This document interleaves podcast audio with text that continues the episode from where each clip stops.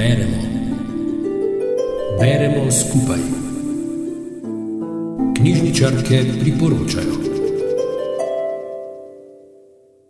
Pred nedavnim je v slovenskem jeziku izšel nov roman priljubljene italijanske pisateljice Suzane Tamaro z naslovom Velika ljubezenska zgodba. Suzano Tamaro smo si slovenski bravci zapomnili predvsem po romanu Pojdi, kamor te vodi srce, ki je pri nas izšel leta 1994.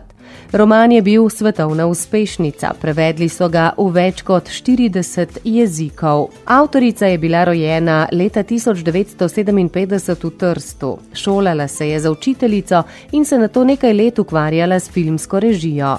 Sčasoma je ugotovila, da ji največ zadovoljstva prinaša pisanje knjig in v celoti se je posvetila književnosti.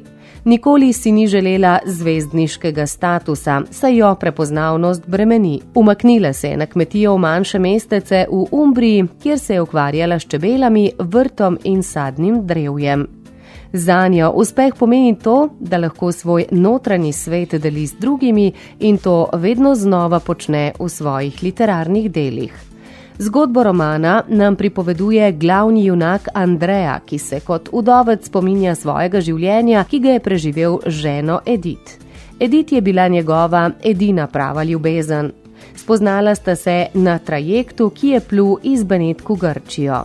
On je bil resen, odgovoren kapitan, ona pa deset let mlajša, razposajena mladenka, ki se je odpravila v Grčijo zabavati. Bila je polna idealov o enakopravnosti in pravičnosti, a je hitro spoznala, da se svet ne vrti po idealnih smernicah. Bežno srečanje se čez nekaj mesecev razvije v strastno razmerje in Andreja si želi poroke. Edith ga vihravo zavrne in njuni poti se za nekaj let razideta. Ko se naslednjič srečata, ponovno obudita razmerje, a Edith ni več sama. Andreja sprejme njeno hčer Amy in postanejo družina. Sledijo trenutki družinske sreče, ki pa jo prekine nepričakovana tragedija. Hči Amy se ima popolnoma odtuji in ju izbriše iz svojega življenja. Na stara leta se glavna junaka zatečeta na otok, prežet z vetrom in soncem, kjer najdeta svoj mir in veselje do drobnih opravil na vrtu in v sadovnjaku. Gre za preprosto zgodbo, ki postavlja temeljna vprašanja o povezavi med človeškimi dušami. Usoda je tista, ki združuje, a včasih tudi loči dve duši, ki sta medsebojno povezani. Roman razkriva človeške zmožnosti prilagajanja in lastnega spreminjanja z namenom, da smo boljši. Naše delovanje vpliva na naše bližnje, pa tudi na našo okolico.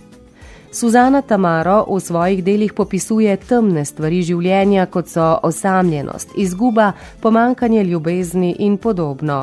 O temah govori brez zadržkov, a jih literarno izpili. Med pisanjem se poglobi v večplastnost človeških biti in raziskuje protislovje v človeku, ki jih hoče osvetliti in razkriti vse čas pa ostaja pozitivna. Prepričana je, da človek ne sme izgubiti upanja.